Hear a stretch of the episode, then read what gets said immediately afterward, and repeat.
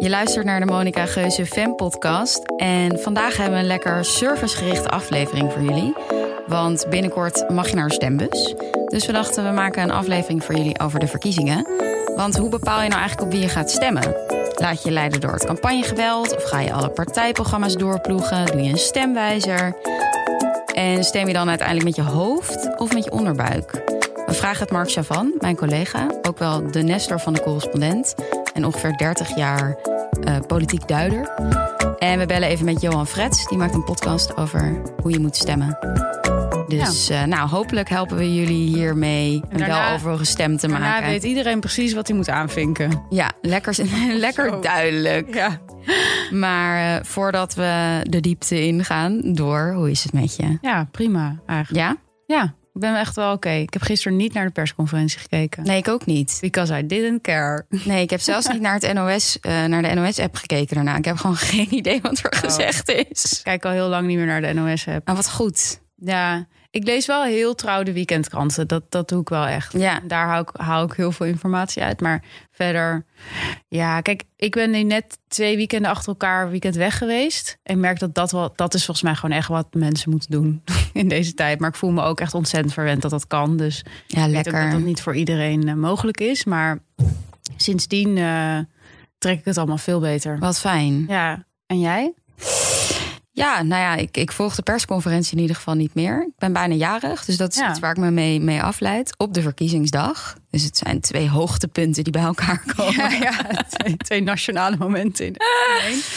Dus uh, ja, dus ik ben een soort blokjesverjaardag Ja, je aan bent het wel echt heel ja. goed corona-proof bezig, toch? Ja, maar ik vind het dus eigenlijk ook best wel leuk. Want Ja? Je, ja, want je kan je verjaardag spreiden. Dus er zijn meerdere momenten waarop ik in het uh, waar, waarop ik jarig mag zijn. Wow, het is inderdaad best wel jouw ultiem, want je houdt best wel van plannen. En nu kan je gewoon meerdere keren. je Ja, en ik hou best wel van uh, kleine groepjes mensen. Oh ja. Ik vind dat leuk. Um, alhoewel ik ook wel echt heel erg mis om met een enorme groep mensen in een ruimte te zijn. Maximaal één alleen. Maximaal één. Nou, dat, ik weet niet of dat gaat lukken.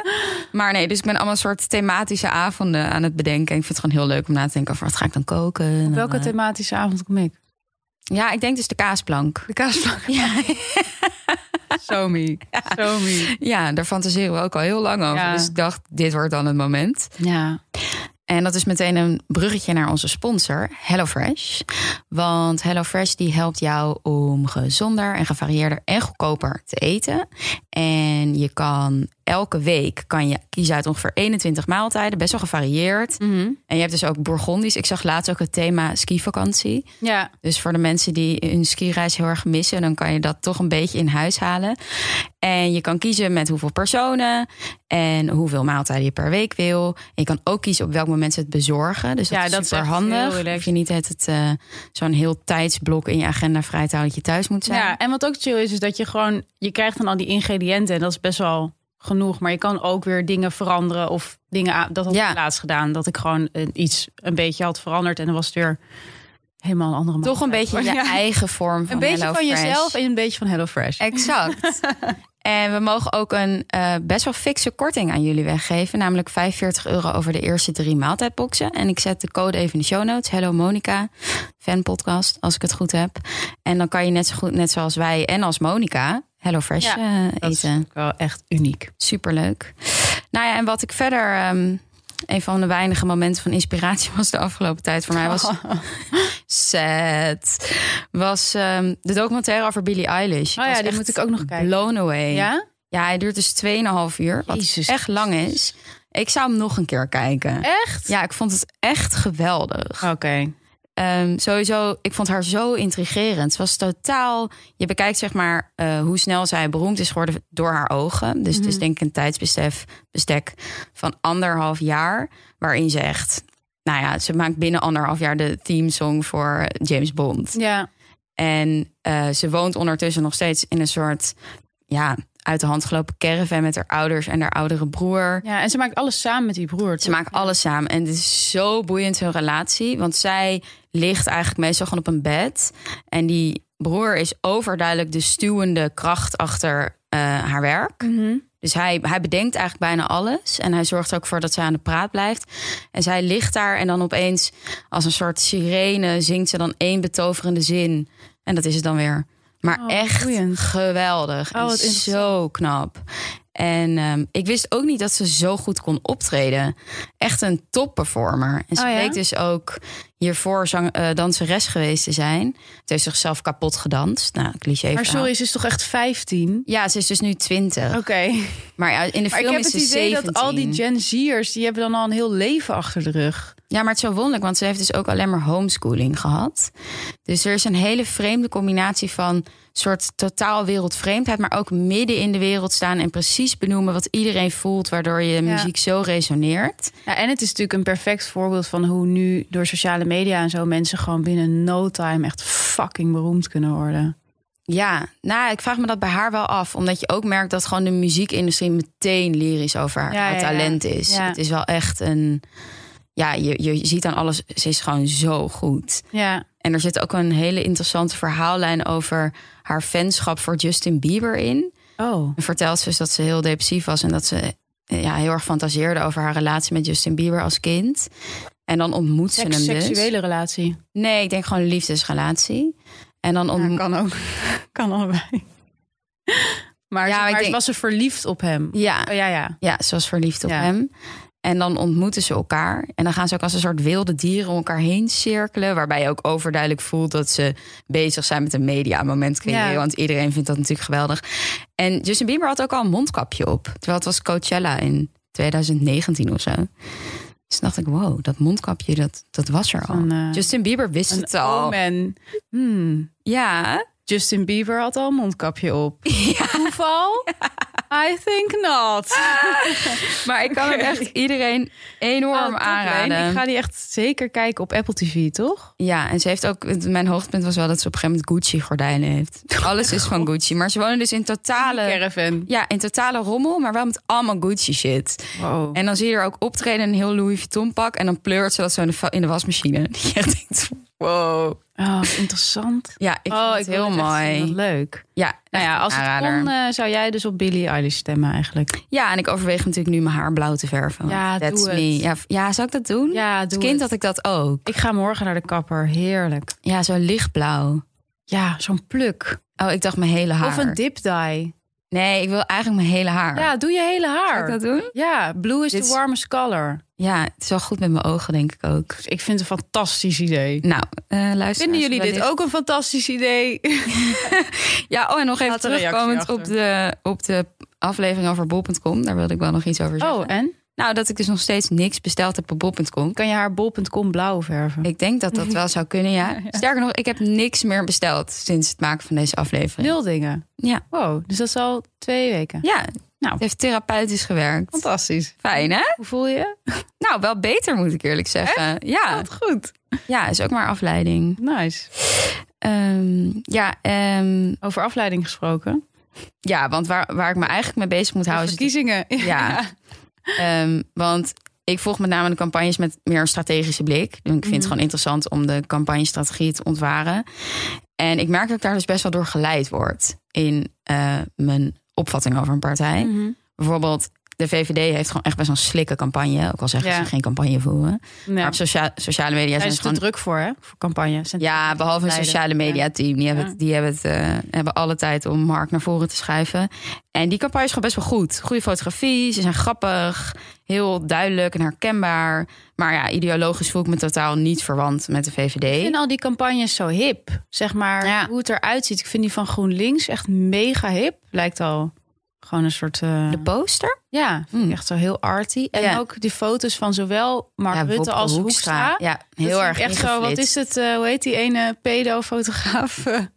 die Amerikaanse man. Oh, het doet mij heel erg denken aan Valentina Vos. Ja, het is gewoon dat felle Ja, of, of inflitsen. Ma- Ma- eh, hoe heet ze? Marie Wanders of zo. Ja. Of Volkskrant Magazine. Weet je wel, gewoon echt zo keihard ingeflitst. En Ja. zo een beetje zo'n eh, mugshot. Ja. ik Ja, ik vind dus wel werken.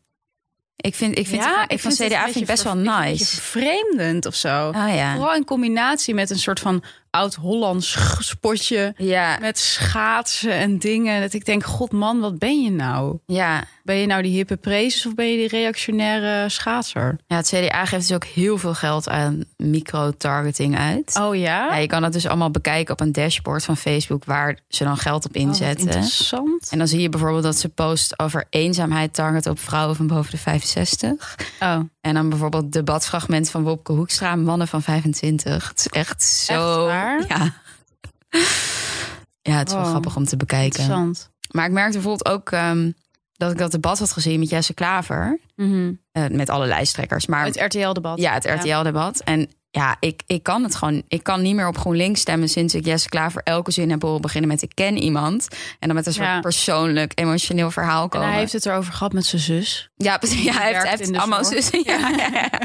Dat terwijl, terwijl qua standpunt ik best wel in lijn lig, denk ik, met GroenLinks. Maar ik kan het nu gewoon Ik wil best meer. wel een profiel lezen met zeg maar al die mensen die hij dan kent. Oh ja. De zus van Jesse Klaver. Ja, Wie is dat dan? Kan ik ook op haar stemmen? Het gaat de hele tijd over haar. ja. Ik wil best op haar stemmen.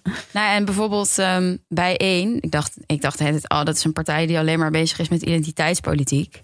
Maar toen bleek dat het echt, dat zij dus echt een super scherpe analyse hebben van het doorgeschoten kapitalisme. Medegeschreven door Willem Schinkel, wat echt Wow. mijn lievelingsintellectuelen van Nederland is. Interessant. Dus dat ik wel tot de conclusie kwam: oké, ik laat me echt te veel leiden door ja, hoe dingen op me overkomen. In plaats van dat ik me inhoudelijk verdiep. Ja, maar het is ook, je hebt gewoon niet heel veel anders om vanuit te gaan. Ja, tenzij je tijd hebt om al die partijprogramma's te lezen. Maar die heb je natuurlijk gewoon niet. En daarom, ik vond dat, dat artikel in eh, Volkskrant Magazine van afgelopen weekend echt heel sterk van Esma. Over dat zij gewoon altijd op Lodewijk Asscher stemde. Omdat ze wel een soort van veilig gevoel bij hem kreeg. En hij leek ook een soort van op haar vader. En er zat ook wel een soort, soort erotische gevoelens tegen hem. En ze was ook gewoon wel voor ja, meer gelijkheid op de arbeidsmarkt en zo. En dat ze dan nu een beetje in een soort identiteitscrisis was gekomen. Dat hij er niet meer was. Ja, Het ging natuurlijk heel erg om voor hoe stem je? En toen dacht ik ook, ja, als ik kijk van wie zijn nou de mensen die je gewoon veel ziet, weet je wel, op tv en zo, waar in wie ik met me, in wie, van wie ik het meest denk van, nou, daar zou ik op kunnen stemmen, dan zijn dat denk ik Khadija Ariep en Sigrid Kaag. En dan denk ik, ja, dat zijn gewoon een beetje nette vrouwen, wel gewoon pittig. Weet je wel, ze kunnen fel zijn als het moet. Ehm, ze zijn harde werkers, heel ambitieus, maar zien er altijd gewoon goed uit. Weet je wel, een, jur- een jurk van Nathan, weet je wel, schoenen van Gucci of zo. Toen dacht ik, ja, dat is gewoon mijn moeder eigenlijk. ja, dus dat is gewoon uiteindelijk waar ik... Of je, je ontkomt daar denk ik niet aan, aan dat... Ja, maar het is natuurlijk toch, we gaan het er vast ook over hebben met Mark Chavan. Ik bedoel, Ja. we mogen één keer in de vier jaar bijdragen aan de, democratie. En dat we dan geen tijd hebben om ons inhoudelijk te verdiepen. Dat is natuurlijk Ja, bepaald meer problematisch. Ja, eigenlijk zou je gewoon een vrije dag moeten hele, krijgen. Nou, een vrije week. Alleen al het partijprogramma Ja. van de D66 is van 230 pagina's of zo. Maar ja, dan, dat van het 50 plus is geloof ik, is geloof ik 14 kantjes of zo. Ja. Nou, ik vond het ook heel interessant. Ik sprak met een UvA-onderzoeker, Tom Dobber. En die doet onderzoek naar eh, politieke microtargeting van advertenties op Facebook. En wat hij ook vertelde was dat een van de problemen met die getargete advertenties is dat dus niemand het overzicht ziet. Dus je kan heel makkelijk liegen. Je kan ook heel makkelijk een andere politicus eh, lasteren. Dus besmet- ja, besmetten. En toen vroeg ik aan hem van, huh, mag dat dan? Want als je Ja. Coca-Cola bent, mag je niet zeggen Pepsi is vies. Fanta is kut. Nee. Is ook van cola. En toen zei hij dus, ja, je bent dus als consument beter beschermd tegen misleiding dan als burger. En dat is natuurlijk Ja, om het vrije woord en zo te beschermen. Maar ik toch wel dacht van, ja, dat, dat is toch eigenlijk heel gek. Ja.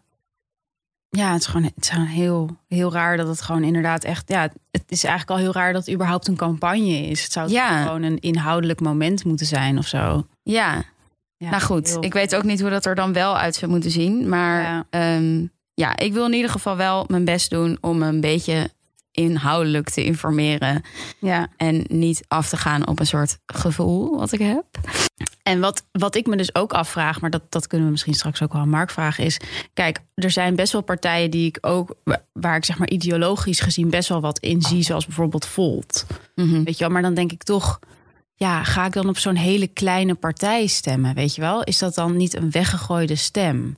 Het is ook veel mensen andersom beredeneren. Ja, weet ik, maar ik denk dat ik toch als ik, maar ik, ja, ik vind allemaal, ik ben een heel rationeel mens, maar met dat stemmen toch minder of zo. Denk ik toch, ja, maar toch ook fijner om misschien bij een grotere groep Ah ja, grappig. Ja, ik neig juist echt naar het tegenovergestelde. Naar een Naar kleine... kleine- Ja, Ja? ja. Maar ik denk dan, ja, die gaan nooit, toch nooit regeren. Nee, maar bijvoorbeeld bij één. Ik vind dat zij wel een zetel moeten hebben. En dat had ik lang ook bij de Partij voor de Dieren. Maar ja, die hebben nu al zes zetels in de peilingen. Ja. Dus dan denk ik, ja...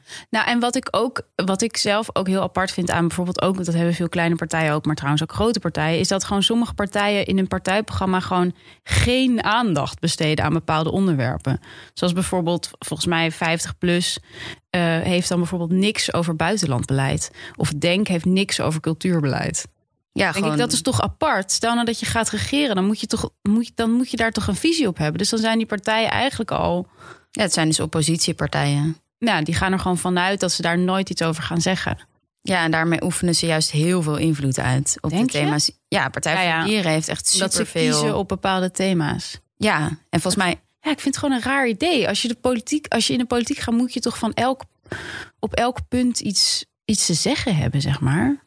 Ja, maar kijk bijvoorbeeld naar Gerrit Wilders. Die heeft, nog, die heeft volgens mij één keer geregeerd. En hij heeft het meeste invloed als oppositiepartij. Ja, Omdat hij gewoon het debat elke keer een stukje opschuift. maar ging meteen mis ook, toch, toen Wilders. Ja, maar hij wil ook helemaal niet Nee, regeren. precies. Hij wil gewoon... Ja, die had een, de vorige keer toch een eh, partijprogramma van een A4. Ja, Dan kan je sowieso niet Ja, alles bespreken. oh, zo erg. Zo erg. Oké, nou we gaan bellen met Mark Chavan. Ja, leuk.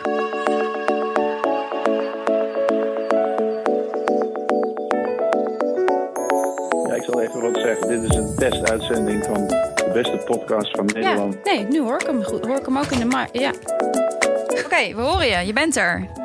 Nou, dat is mooi. Yes. en ik hoorde, je, ik hoorde je nog net zeggen dat je dit de beste podcast van Nederland vond. Nou, wat een feest. Echt Dat is waar? wel in een test. Dat is wel in een testuitzending. Oké, dan doen we nu eens even alsof, eh, alsof we je nu pas net aan de lijn hebben. Ehm, nou, hey Mark, heel fijn dat we je mochten bellen. We waren net, eh, ehm, we hadden het erover dat eh, ik bijvoorbeeld best wel beïnvloed raak door de campagnes. Waardoor ik het gevoel heb dat ik niet echt een wel overwogen keuze maak in het stemhokje. Dus we wilden eigenlijk vooral met jou gaan praten over hoe doe je dat nou wel een wel overwogen stem uitbrengen. En, ehm, maar ik ben eerst wel benieuwd, jij stemt nooit, toch? Nee, ik geef mijn stem aan iemand die, eh, die ik eh, vertrouw. En die belooft om de stem ook uit te brengen, maar om niet te vertellen wat ermee gebeurd is. En waarom is dat? Nou, ik heb dan. Ik heb lang geleden heb ik een keer gestemd en toen had ik vier jaar lang last van die stem. Want ik vond dat die figuur dingen stom deed. En, en ik dacht, ja, maar het is wel mijn stem die die heeft. En ik moet toch een beetje steunen. En het zat me dwars. Ik wil gewoon Ja, ja. open kunnen kijken naar wat er gebeurt en schrijven wat ik wil schrijven. En iedereen mag me betichten van links, rechts, onder of boven te zijn. Maar ik weet dat het niet waar is. Maar voelde je je verantwoordelijk voor je eigen stem? Ja, nou ja, dat is natuurlijk ook meteen het, het leuke en het, en het imaginaire van stemmen. Je, je, je, je moet ermee omgaan alsof het een, een, een ge- gewichtige beslissing is die Mhm. Er, ertoe doet. Als je zegt, nou, is bij één van eh, 17 miljoen, maakt het uit. Dan, dan houdt het op. Dit, dit is de, de fictie van invloed. Ja, ja, precies. Want, want waarom, waarom heeft jouw stem wel zin? Nou, als iedereen ermee omgaat alsof het een best wel belangrijke beslissing voor de komende vier jaar is, dan krijg je de best mogelijke weerslag van wat mensen vinden. En wat Mhm. mensen vinden is, is, is tegenstrijdig en ingewikkeld. En ze hebben vandaag een ander gevoel dan morgen. Maar als we allemaal die afweging zo gewetensvol maken, dan is die landelijke beslissing is ook gewetensvol. En, en Mhm. vervolgens moet je kijken wat je ermee kan doen. Ja. Maar dat, dat moeten we dan even overlaten aan degene die gekozen zijn. En, en hoe maak je dan zo'n afgewogen keuze? Ja, wat, wat is nou, want iedereen zit natuurlijk de die eh, stemwijzer en zo in te vullen. Maar heeft dat nou, heeft dat nou veel zin eigenlijk? Nou, ik, ik zou zeggen, stemwijzer, kieswijzer, vul het gerust in, maar zie het als een, als een vingeroefening, niet als een, een, een waarheid die eruit komt. Want die worden gevoed met informatie en vragen van de partijen die langzamerhand vrij bedreven zijn om zodanig die vragen en de antwoorden te positioneren dat ze zoveel mogelijk steun oogsten. Oh ja? Dus, dus die partijen passen hun punten ook echt aan aan zo'n kieswijzer? Of wat voor vragen daarin zitten? Ze weten langzamerhand hoe ze er zo, zo, goed mogelijk en zo vaak mogelijk uitkomen. En, en hoe oh, meer mensen jouw partij eh, als eerste of tweede eruit krijgen, hoe, hoe meer mensen dan in, in, de werkelijkheid zeggen: Nou, zie je wel, ja. er kwam ChristenUnie uit, laat ik het nou maar doen. Nou, dat vond ik heel interessant, want ik zag dat uh, de Partij voor de Dieren heeft ook als een van hun, een van hun campagneslogans: Vertrouw de kieswijzer nou maar.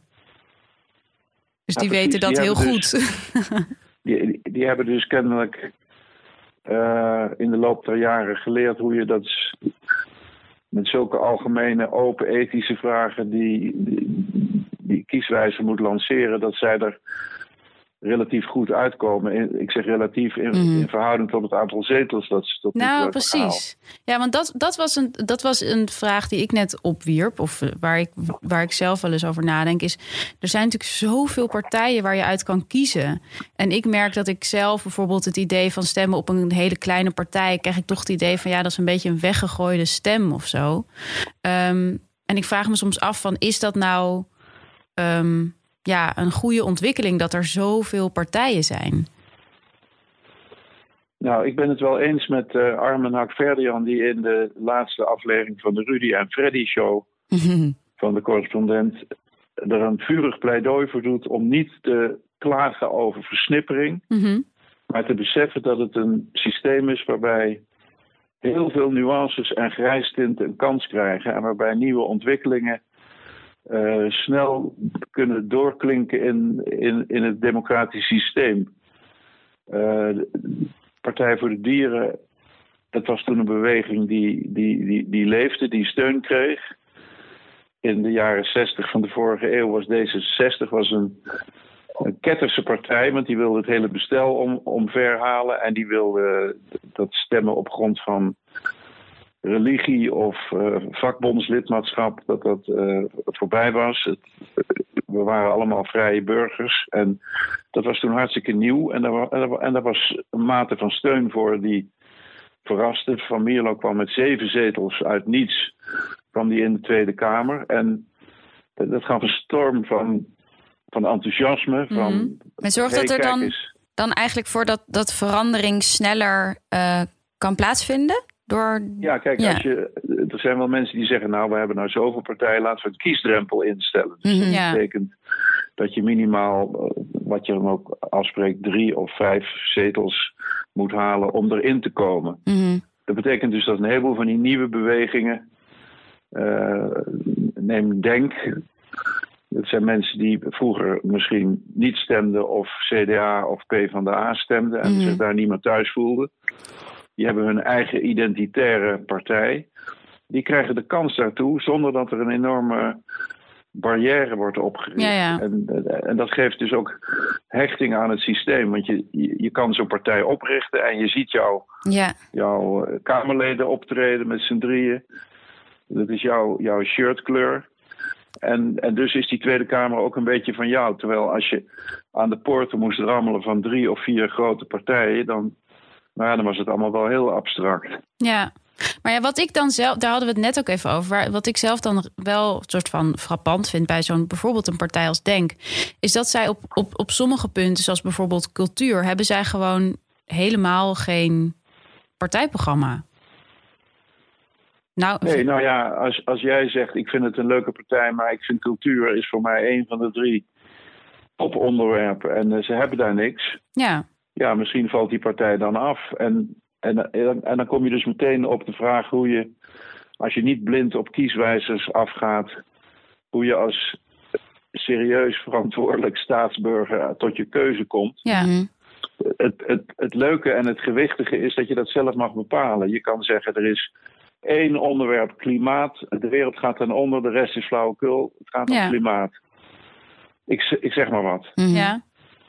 Of je zegt, uh, de democratie is uh, bedreigd. Er zijn nog maar weinig landen die echt democratisch zijn. Vlak om Europa heen is er al dictatuur. Ik ben als de dood dat we overspoeld worden door democratische regimes. Mhm. Ik wil dat we een heel sterk Europa hebben, want anders redden we het niet. Mhm. Ja. Nou, dan zeg je, ik, ik, ik, ik wil op een partij stemmen die daar ook van overtuigd is en daar alles aan wil doen. En ik ga de partijen turven die daar eh, een beetje of veel aan doen. Ja, en ja, de rest precies. valt voor mij af. Dus, dus je zegt eigenlijk van kies een aantal onderwerpen en focus daarop in je keuze. Ja, Ja, ga dan dus zelf met- onderzoeken met een- hoe, je, hoe de Ja. partijen zich daartoe verhouden. Het is net als met een nieuwe fiets. Je, je kan zeggen, deze ziet er het beste uit, maar ik vind de remmen waardeloos.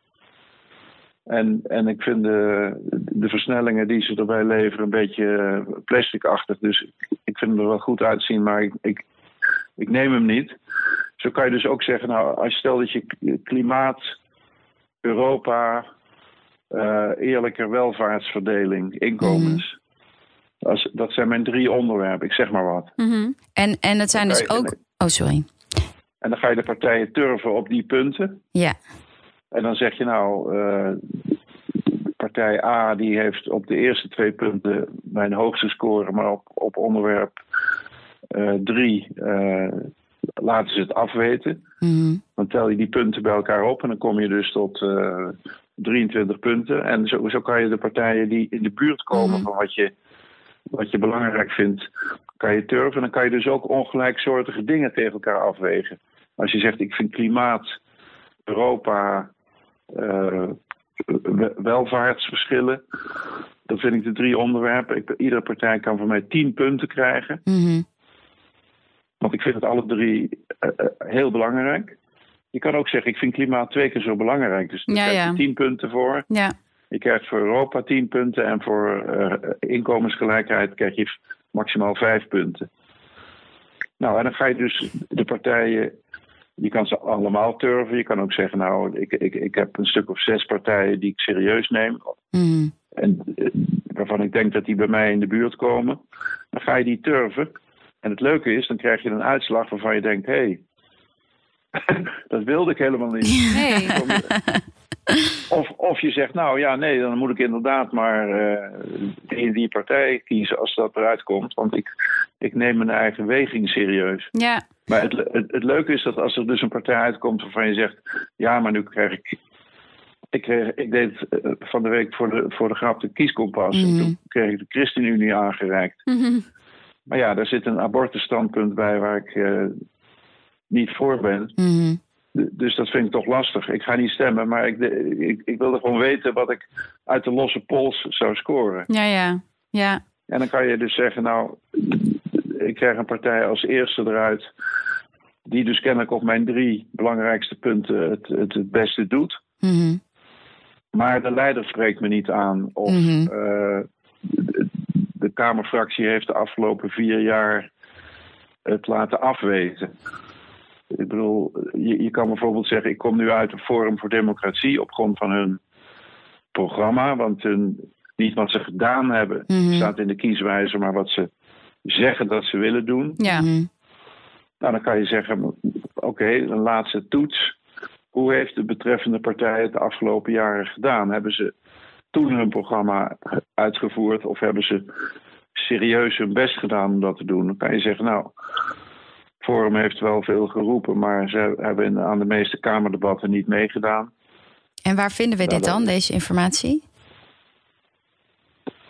Ja, daar had je een beetje moeten opletten. Oh, daar hadden we al vier jaar op hadden we moeten vier jaar letten. geleden mee moeten beginnen. Want ik denk toch eigenlijk, Mark, dat ehm, ik vind het, eh, ik, vind- ik vind het een fantastische methode, maar ik denk toch dat vrijwel niemand zo stemt eigenlijk.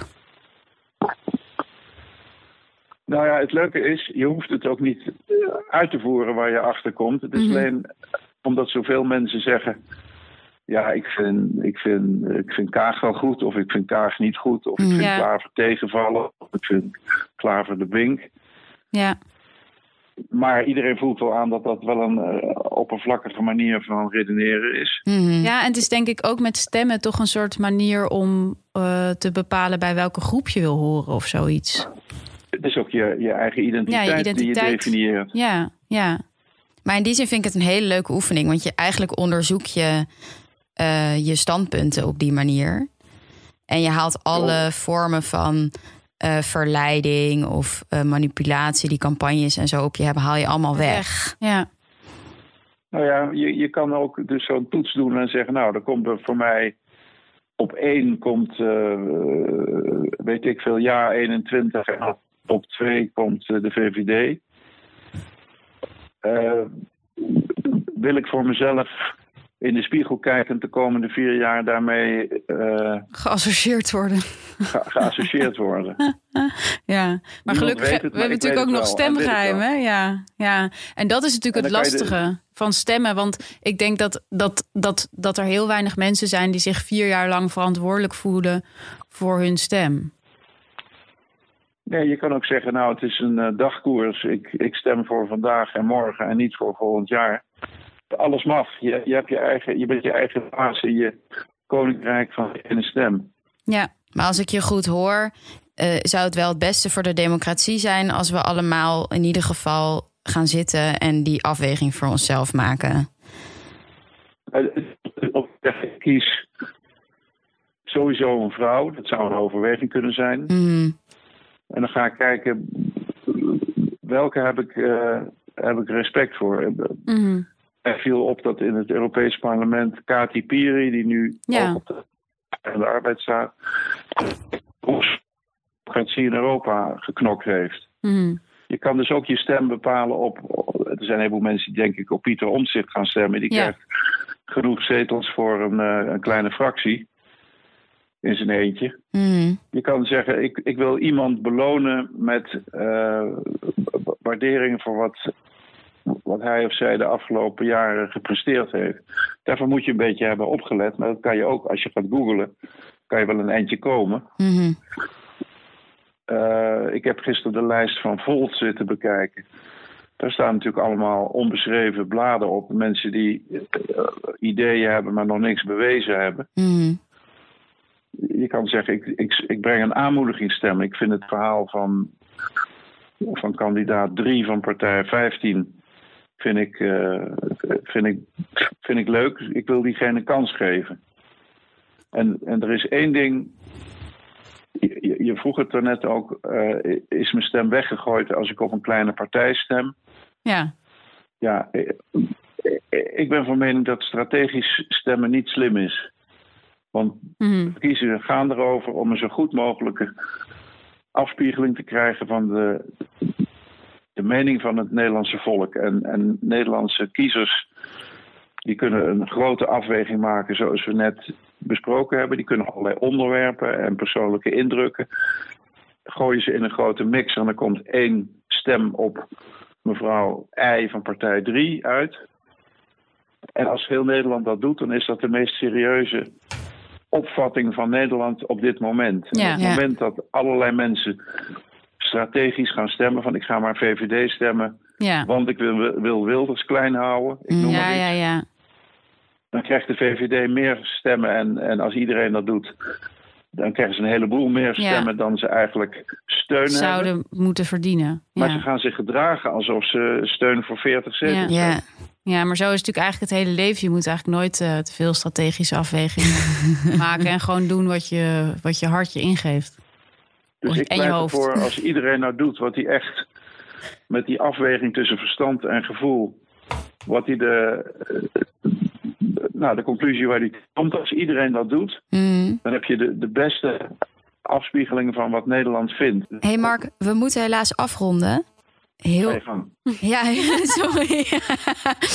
Heel veel dank. Dit was super leerzaam. Ehm, en ehm, ja, ik ga deze methode in ieder geval toepassen. Ja, Nou, ik denk... i- Iedereen veel sterker. Ja, Ja. precies. Dankjewel. Mark, gaan we nodig hebben. Dag. Oké, dag Mark. Nou, ik vond dit toch wel echt fascinerend. Want Mark heeft dus eigenlijk een soort methode gemaakt... waardoor je alle irrationele dingen bij jezelf in eerste instantie even weghaalt. Ja, Dus je stript al je. Nou, mijn onderbuikgevoel is over Jesse Klaver en zo. Die strip ik er dan even allemaal af. En daar komt dan iets uit, wat me wellicht verbaast. En daarna kan ik dan toch dat gevoel over Jesse Klaver wel mee laten wegen. ja precies. Ja, hij, hij vlakt het niet helemaal uit. Maar ik vind het ook wel interessant wat hij zegt over dat inderdaad... wat eruit komt je dan waarschijnlijk wel verbaast. Want ik heb altijd bij de stemwijzer... Mhm. dat ik maar goed, dat zou ik wel iets over mij zeggen. Dat dan, dan komt er een of ander advies. Mhm. En dan is mijn, mijn eerste reactie altijd van ja, doei. Nou, gewoon Ga ik- puur omdat iemand iets jou iets adviseert. stemmen. Ja. Ik ga altijd op de tweede of derde partij. Die er Ah, ja. Nooit op de eerste. Nou, wat ik ook wel echt eh, meekreeg van Mark was dat je dus niet per se ehm, moet nadenken van ik wil ehm, dat eh, eh, kinderopvang gratis wordt of ik wil dit, maar dat je meer nadenkt over het algemeen belang. Dus ik wil dat iedereen gratis kinderopvang krijgt, zodat iedereen de mogelijkheid heeft om te werken, bijvoorbeeld. Oh ja. Ik had heel erg het idee dat hij zo redeneerde. Oh ja, terwijl ik toch ook wel vaak redeneer van wat wil ik? Ja, Maar ja, ik wil ook dat, kli- dat de planeet blijft bestaan. ja. Ja, ja, ik redeneer toch wel heel erg uit van ah, in wat voor een soort samenleving wil ik wonen. Ja, nou, ik heb dat bijvoorbeeld nu al heel sterk met die gratis kinderopvang. Mm. Nou, ik vind echt dat we dat moeten fixen. Dus daar kijk ik ook wel heel erg naar van welke partijen zijn daar heel erg voor. Ja, En, en ehm, een, een, een beter verdeelde eh, eh, woningmarkt. oh ja. Dat vind ik echt van de gekke hoe dat nu is. Ja, grappig. Ik heb echt veel abstractere dingen. Ja, nee, ik vond, vond dat gewoon heel goed. Dat zei Lilianne Ploemen laatst in een, de- een radiodebat. Met eh, Wopke Hoekstra was dat. Die zei van, ja, we moeten... De Wopke zei zo van iets van... Ja, we moeten de woningmarkt meer nivelleren, lala. En zij zei ze van, ja, maar het begint al dat je zegt woningmarkt. Wonen Hmm. is, zou geen markt moeten zijn, maar is gewoon een recht voor iedereen. Ja, Daar ben ik het ook wel heel erg mee eens. Ja, nee, ja, nee, ik zit meer op de, nou sowieso klimaat en groeiende ongelijkheid. Dat ligt natuurlijk ook in verlengde van bijvoorbeeld de woningmarkt, tussen Ja. aanhalingstekens. Nou ja, en onderwijs ook. Weet je wel, waar D66 nu natuurlijk heel erg op hamert van ongelijkheid begint bij Ja, onderwijs, recht op onderwijs.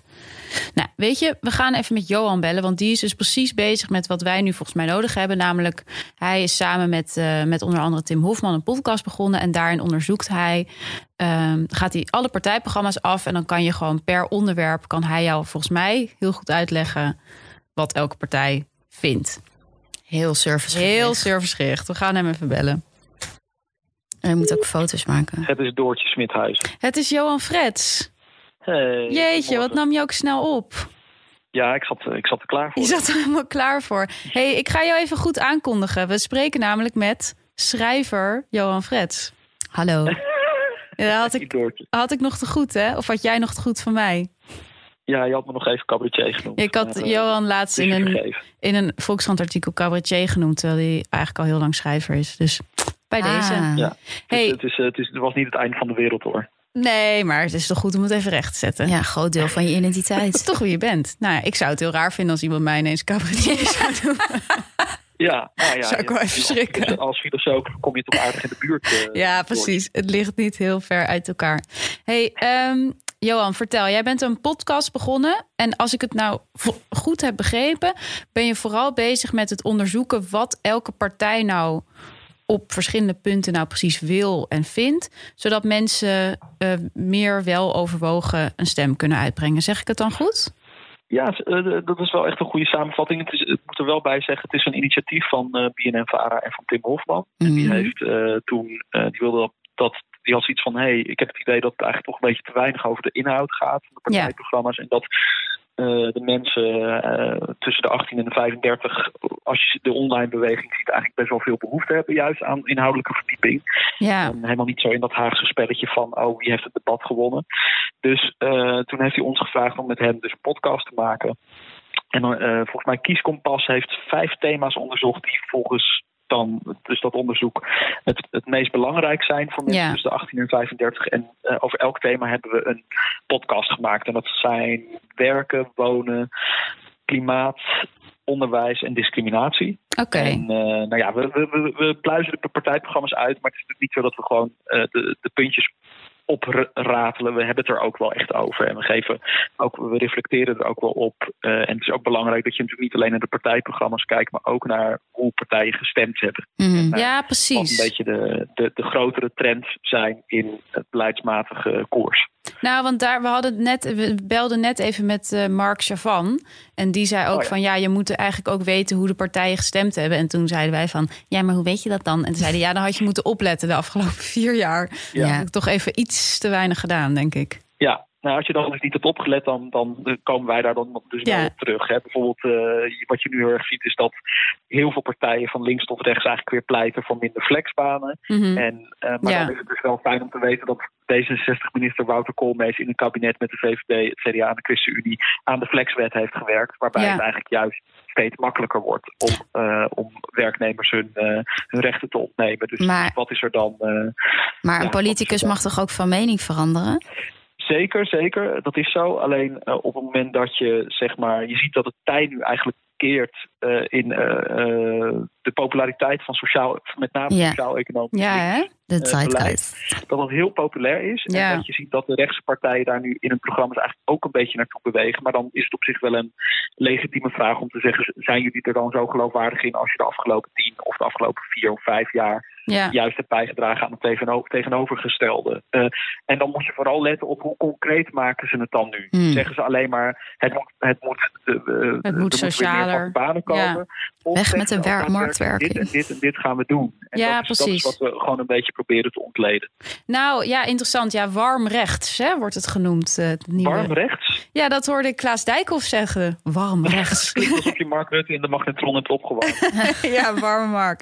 Hey, en want, Ja. want ik heb met, dit, met deze onderwerpen, denk voor, wat voor mij een aantal dingen zijn. eh, ik heb gewoon een paar dingen die ik heel belangrijk vind.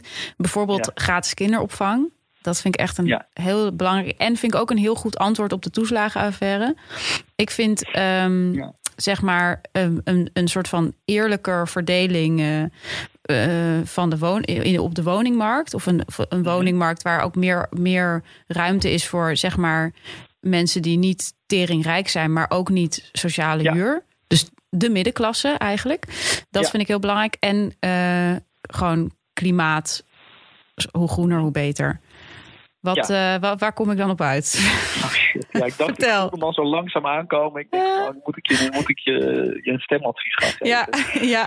Ehm, En daar ga ik je dan ook vier jaar heel erg verantwoordelijk voor houden. ja, ja, precies. Want, want durf je te zeggen waar je nu een beetje tussen twijfelt? Nou, ik dat, twijfel eh, eigenlijk altijd tussen GroenLinks en D66.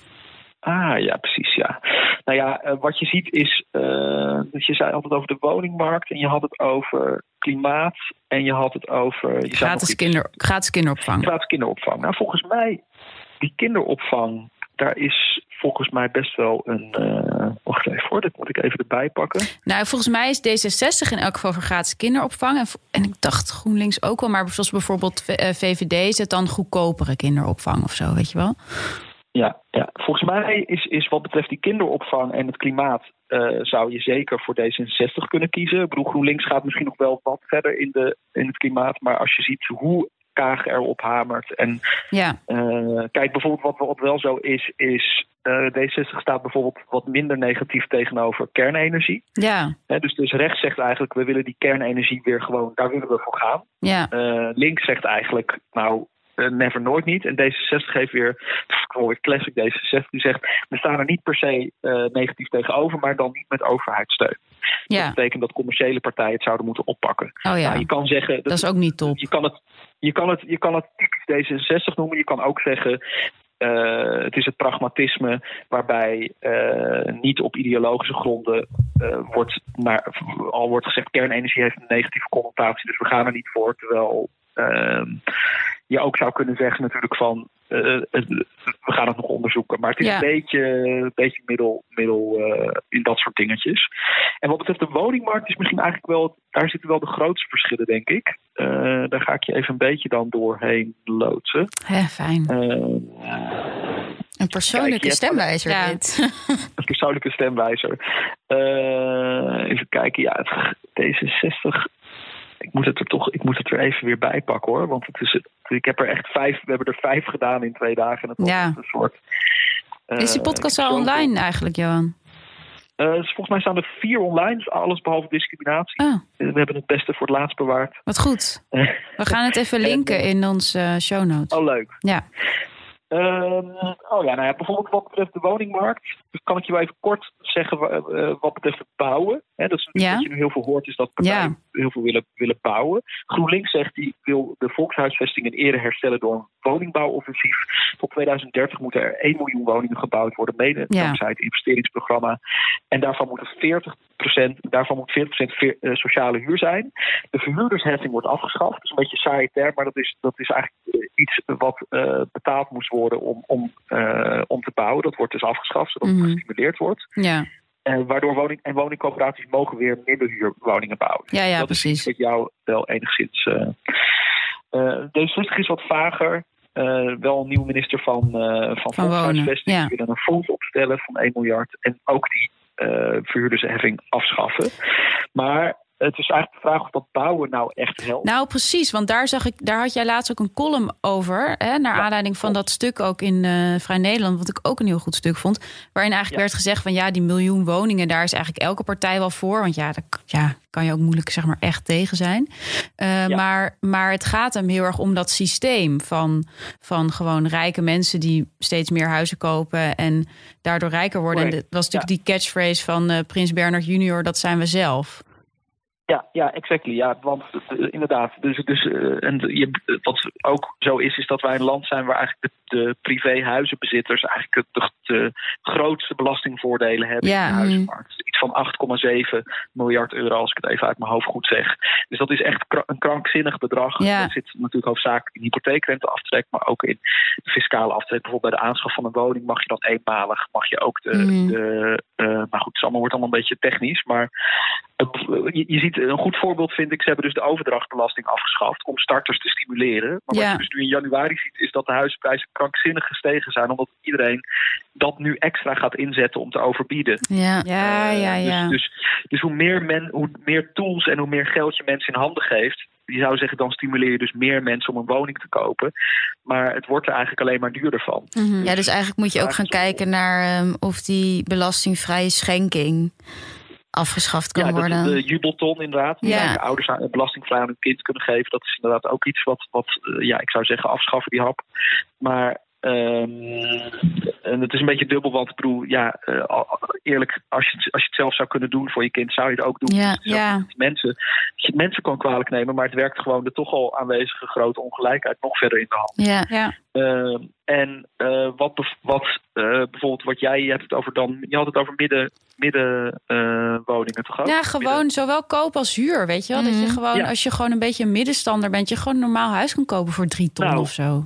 Ja, dat snap ik. Nou ja, in, de, in de huursector wordt, eh, wil D66 het bijvoorbeeld heel erg eh, aanpakken door het scheefhuren ook eh, aan te pakken. Dus Ja. mensen die niet, die niet doorstromen. En dat gaat dan aan de hand van een tweejaarlijkse inkomenstoets. Eh, de VVD wil dat, daar wil daar één jaar van maken. Het lijkt me allemaal nogal best wel pittig, aangezien jij, ja, jullie zijn ook volgens mij ZZP'ers. Het, misschien heb je één keer een topjaar en een ander Ja, keer. ik zit al heel erg eh, mijn hoofd te schudden. De, hier ben Nee, ik. nee. Ik voel Dit ook zou- een nieuwe toeslagenaffaire Dit zal aankomen. voor mij niet heel, niet heel gunstig zijn. Nee, nee, dus dat, dat, hou daar rekening mee. Ja, Eh, en eh, GroenLinks is echt, die zegt echt bold, is voor het afschaffen van de vrije marktwerking in de huursector. ja, ja. Eh, de inkomensgrens voor de sociale huur gaat omhoog. Voor 90% van alle huurwoningen eh, bepaalt de overheid de maximale huurprijs voor, door de invoering van de Oh ja. woning. Ja, en dat is op zich wel heel goed, hè? Want ik ben dus, ik, zoals je weet, naar Haarlem verhuisd. Ik Mhm. heb een huis gekocht. Ik ben nu ook Ja. zo'n zo, zo'n eh, belastingvoordeel. Zo'n belastingontduiker. Ja, ja, ja, precies. Ik ben de Prins Bernhard, eh, Typische- de Blanca Bernhard. Typische Ha- Haarlemse belastingontduiker. ben jij nu. de Wiebren van Hagen. Ja. Van, eh, nou ja, van, nou ja, dat is hij zelf al natuurlijk de Laaglanden. Maar goed. Eh, eh, wat, wat wel zo is, is in Berlijn heb je bijvoorbeeld gewoon een huurplafond in de vrije Ja. sector. Mijn vriendin en ik huurden een woning eh, vlak bij jou in de buurt. Ja. En daar betaalden we 1420 euro per maand Echt waar? voor, voor 65 vierkante meter. Oh my god. Wel en, en dat is dus na onze, want je hebt dan zeg maar nu wel, is er in de wet vastgelegd dat er een plafond is Ja, voor de huurstijging. Nou ja, dat is al best wel veel. Want toen wij er kwamen wonen drie jaar daarvoor was het 1250. En nu was het dus al in twee jaar was het naar Jeetje. 1420 gegaan. holy moly. Drie jaar. En, maar dus zodra je eruit gaat, mogen ze het gewoon eh, Ja. verhogen hoe, hoezeer ze willen. Ja. Dan gaat er vaak weer 10 of 15 procent boven. Ja. Dus degene na ons begint alweer op 1600. En, en, En dat in eh, onze buurt, Johan. Ja, ja, ja. Tamelijk treurig. Ja, inderdaad. Maar dat wist ik helemaal niet dat dat allemaal zo dan kun duur je dus ze- zeggen van mensen kunnen dat betalen, maar mensen kunnen dat natuurlijk niet betalen. Of tenminste, je kan het wel betalen, maar. Het Ja, maar je wil het niet betalen. Ja, mensen die besteden een betalen. steeds groter aandeel van hun inkomen aan wonen, toch? Ja. Echt de helft is normaal. Krankzinnig. Ja, Het, het zou gewoon een, eh, ja, 900.000 moeten zijn, vind ik Ja. eigenlijk. Eh, dat, en dat is op zich dus in Berlijn zeggen ze gewoon. Nou, dat moet eh, ook in, het, in de vrije sector werken we met een puntensysteem. Dus tak, dat is het plafond. En ik denk dat dat op zich ook heel goed is, omdat je dan ook pandjesbazen, die natuurlijk nu gewoon slapend rijk worden, wel een beetje zeggen van ja, er is een, er is een max. wat je, wat je kunt. eh, En is er nou een partij die, dit, die, die hier echt voor is? Ehm, hoe bedoel je waarvoor? Nou, voor zo'n systeem bijvoorbeeld. GroenLinks. Groen- GroenLinks dus. toch vooral? Oké. Ja, en ik denk, en, en, en bij één ook. Ja, ja. Is, echt, eh, is, is eigenlijk het, het meest stevig als het gaat om heel veel dingen. En ehm, ook, ook echt links, zoals links eigenlijk vroeger gewoon was. Dus gewoon ook niet Ja. zo van we vinden het belangrijk dat. Maar bijvoorbeeld ook met werken zeggen ze na negen maanden vast contract. Oh, wauw. Zo. Ja, nou is, het, nou is het natuurlijk, kan je nu al zeggen, dat gaat waarschijnlijk niet gebeuren. Niet gebeuren, nee. heel, heel verfrissend dat ze zeggen, dit, dat ze niet zelf al voorsorteren op het compromis. Ja. Ja, ja. dit is, dit is waar, waar wij de lat leggen. Na jaren waarin het, de flexibilisering zo ver is doorgeslagen, zeggen we na negen maanden vast contact. En dan wordt het misschien veertien maanden of Ja. misschien twaalf maanden. Maar dat ga je dan niet zelf al doen. En dat is soms Ja. wel een beetje jammer aan de SP en GroenLinks en de PvdA. Die toch een beetje voorsorteren op, op hoe willen ze in de regering. Of in de- het geval van de SP en GroenLinks voor het eerst in de regering te zitten. Dat die toch eh, bezig zijn met eh, al een beetje een soort van Ja. realistisch denken. Sorteren. Ja. En zo schuift het wijn. debat dan natuurlijk gewoon op. Ja. Ook wat Partij voor de Dieren heeft gedaan. Ja. Ja. Ja, Partij voor de Dieren is inderdaad ook, ook wel behoorlijk stevig Ja. in de systeemkritiek. Dat, eh, maar die zetten dan toch weer meer in op sociale huur. En die zou je dan weer wat minder snel horen, net als bij één over, over nou ja, bij één op zich nog wel iets meer, geloof ik, over middeninkomen woningen. Mhm. Nou, leuk goed, dus- Johan. Dit is wel een, Ja. eh, wel een goed advies. En sowieso dus een goed advies om naar jullie podcast te luisteren. Want kijk, niemand heeft natuurlijk tijd om al die partijprogramma's te gaan doorspitten. Maar dan eh, hebben jullie ze een beetje zo ready-made. Kan je gewoon tijdens het wandelen of tijdens het koken... kan je je gewoon goed laten informeren. Ik denk dat dat Ja, eh, toch wel Ja. belangrijk is. Want ik, ja, ik vind ook de laatste tijd... als je kijkt naar al die groen dan wel roodkleurende pilaren en zo bij debatten... dat, dat moet toch... eh, Ja. ja, het moet toch Oh, iets, iets inhoudelijker dan dat. Heel, heel graag. Ja, Hey, heel, gisteren op zich wel, wel wel aardig was, hè, met eh, Ploemen en eh, Kaag. Dat was wel een, Oh, dat heb ik gemist. Waar was dat?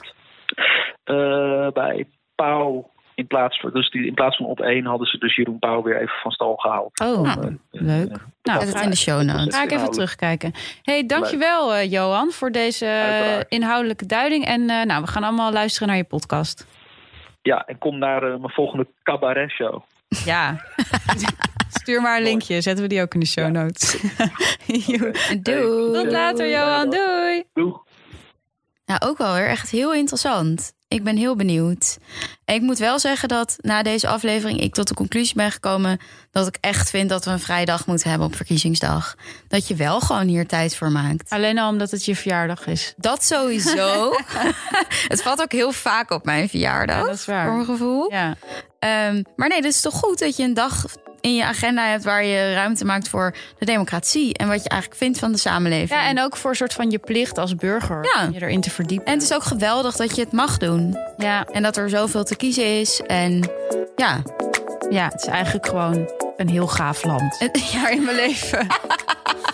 Nou, daar gaan we mee afsluiten, lieve luisteraars. Ja, dankjewel lieve luisteraars. Heel veel succes met stemmen. Stem op een vrouw. Ehm, dat sowieso.